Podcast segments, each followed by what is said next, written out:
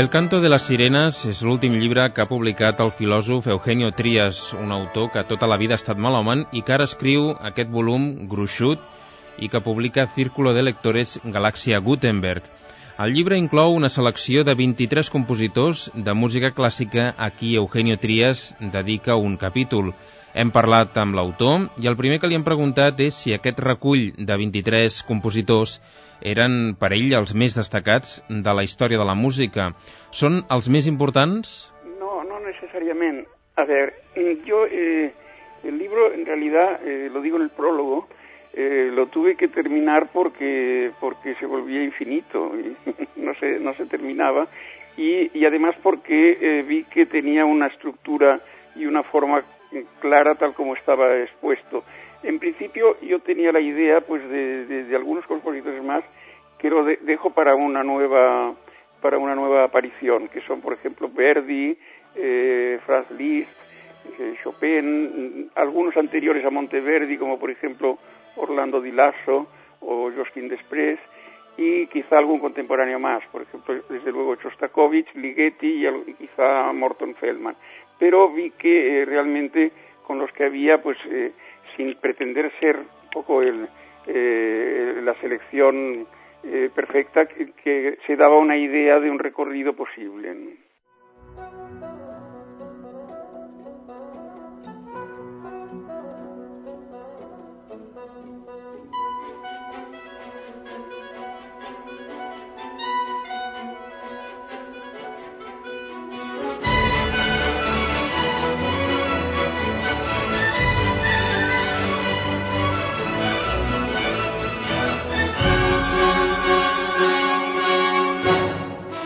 Des de quin punt de vista aborda cada compositor una persona com Eugenio Trías, que es malhomen y filósofo a la vegada? Bueno, yo he procurado mm, combinar las dos cosas, es decir, eh, por supuesto he intentado hacer una reflexión sobre los autores, sobre los músicos, los compositores, mm, desde, desde el interior de su propia eh, forma de componer. Entonces he, he, intentado pues adentrarme un poco en la, la morfología musical de, estos compositores, por ejemplo, pues a partir de la forma sonata con Haydn, cómo la afrontan pues el propio Haydn, Mozart, Beethoven o Schubert, eh, o luego pues, posteriormente eh, y hasta Mahler, o en otros sentidos, pues también, eh, pero lo que me ha interesado mucho, a pesar de que realmente he intentado dar un tratamiento musical a esto, un poco que corresponde a, cada uno de estos compositores, intentado que eh, se, se, perciba y se, se, descubra por parte del lector que esos músicos están en el centro de un, de un, de un marco cultural, de un contexto tanto geográfico como histórico. En este sentido, interesaba mucho poner en, en relación algunos de esos compositores con personajes pues, del mundo de la, de la literatura, de las artes y, por supuesto, del pensamiento filosófico también. Y, evidentemente, mi, mi perspectiva era la perspectiva de una persona que se dedica a la filosofía, pero que evidentemente eh, ama la música y no es que solo la ama, sino que intenta conocerla por dentro. ¿no?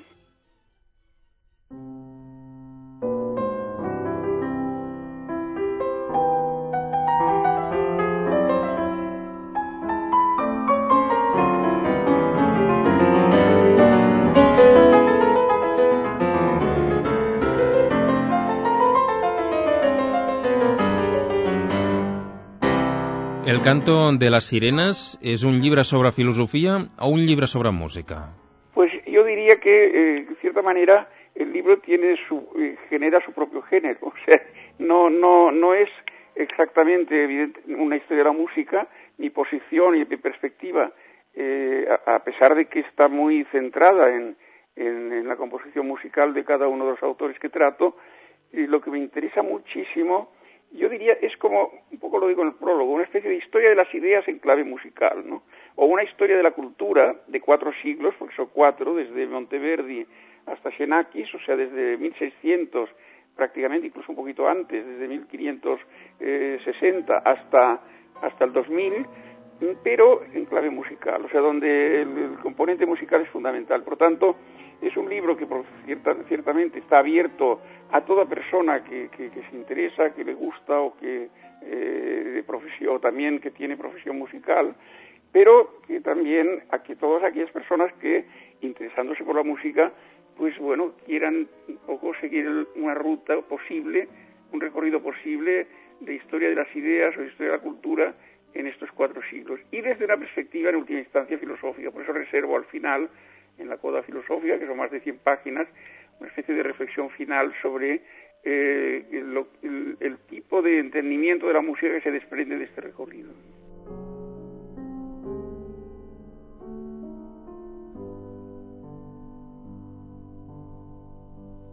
En definitiva, és un llibre tan extens que podríem parlar d'alguna manera d'un llibre de petits llibres.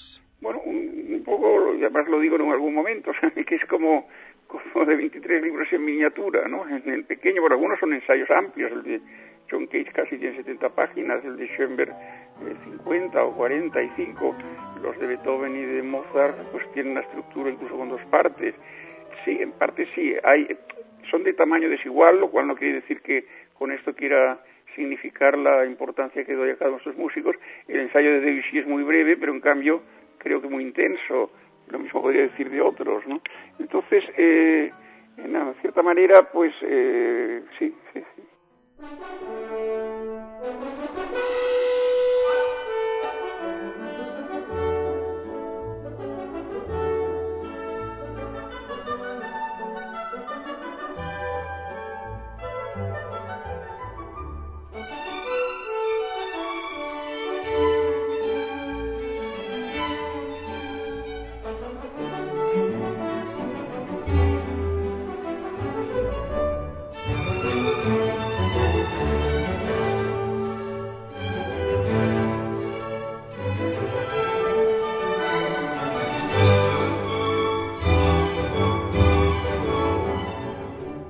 Amb quins autors Eugenio Trías se ha trobat més a gust?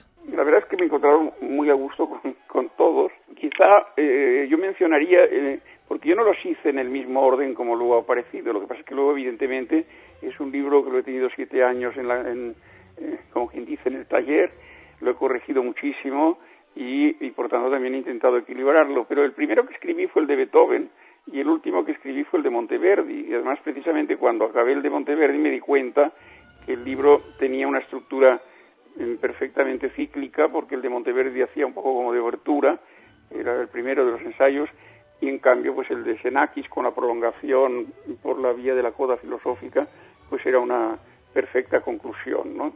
Casi incluso, pues no sé, era como la exposición y la recapitulación.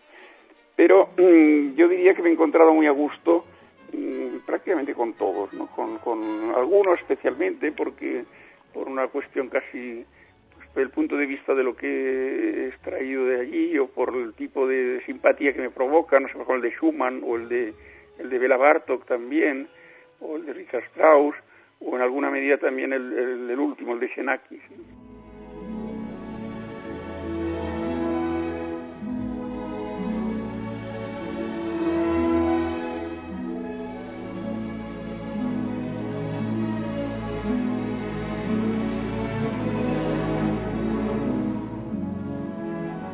A Trias li hem preguntat també com és que entre aquesta tria de 23 compositors no hi havia cap autor català o espanyol.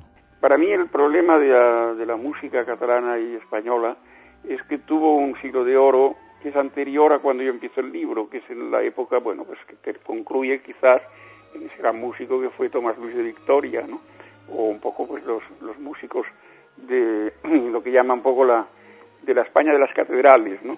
Eran excelentes compositores. Y luego hay esta edad de plata muy interesante que empieza, empieza pues a partir de precisamente de un catalán que es Pedrell, es un poco el maestro de, de Falla y el maestro de compositores que también muchos de ellos son catalanes, el caso de Albéniz o de Granados, etcétera. Pero eh, la verdad es que en, el, en el, la estructura y el relato de lo que yo estaba trazando no me encajaban. Yo de todas maneras, de todas maneras, como digo, este libro es el primero que hago en esta dirección. Yo deseo, y estoy, estoy en ello, además, estoy en ello, hacer otro con otra orientación, con otro título, pero con la misma estructura que me, me resulta muy conveniente.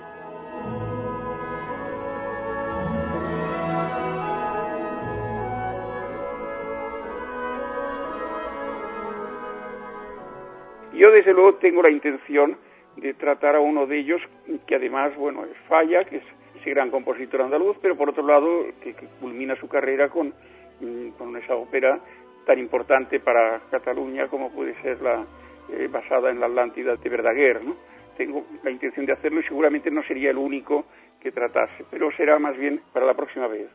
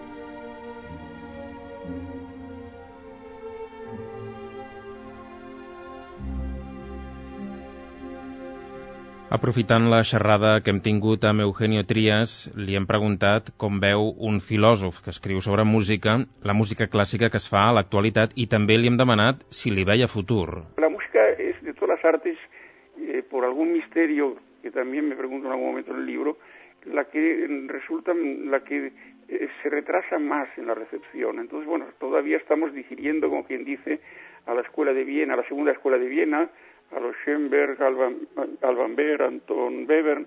Quizá, pues bueno, quizás necesitemos, Mahler necesitó 50 años para ser reconocido, los últimos cuartetos de Beethoven necesitaron 100 años para dar frutos, por ejemplo, en Bela Bartok. Quiero decir que la música tiene este problema, ¿no? que va más lenta posiblemente. Los hábitos de la escucha, los hábitos de la audición, los hábitos sonoros, posiblemente son más componentes más conservadores, más tradicionales, y cuesta más habituarse a este tipo de música que yo encuentro que es extraordinario, que han abierto un poco esos padres fundadores que, son con los cuales yo cierro el libro. Bueno, podría haber incluido alguno más, pero un poco son representativos, o sea, el caso de Vipulev, o el caso de, de Stockhausen, o de John Cage, o de Xenakis.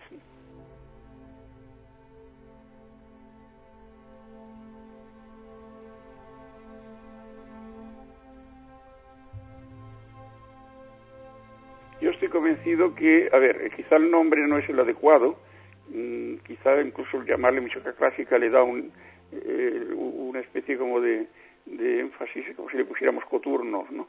Pero yo creo que, que, este tipo de música, que es un poco, digamos, la música innovadora, la música seria, pero seria puede ser absolutamente de, comedia, ¿no? Es decir, seria en el sentido del rigor musical, ¿no? No del género en el cual esa música se, se desarrolla, es la que tiene más futuro. Por mucho que aparentemente a un primer plano nos aparezca más bien otro tipo de música muchísimo más elemental, muchísimo más sencilla, de una estructura compositiva eh, pues que realmente no puede en absoluto competir con el tipo de música que aquí trato. El único movimiento de una cierta característica propia, muy del siglo XX, que no trato en mi libro y lo lamento porque realmente es un movimiento importantísimo, es el jazz.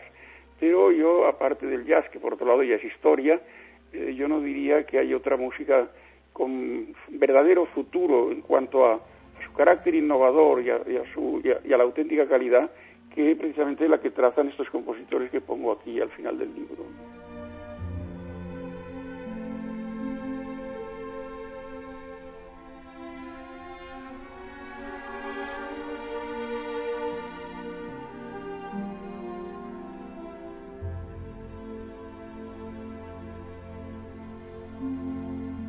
El canto de les sirenes és el títol d'aquest llibre que us hem presentat. L'autor és Eugenio Trias i el publica Círculo de Lectores Galaxia Gutenberg. Com el primer compositor que Trias tracta en el llibre és Monteverdi, ens ha vingut molt de gust sentir música d'aquest autor.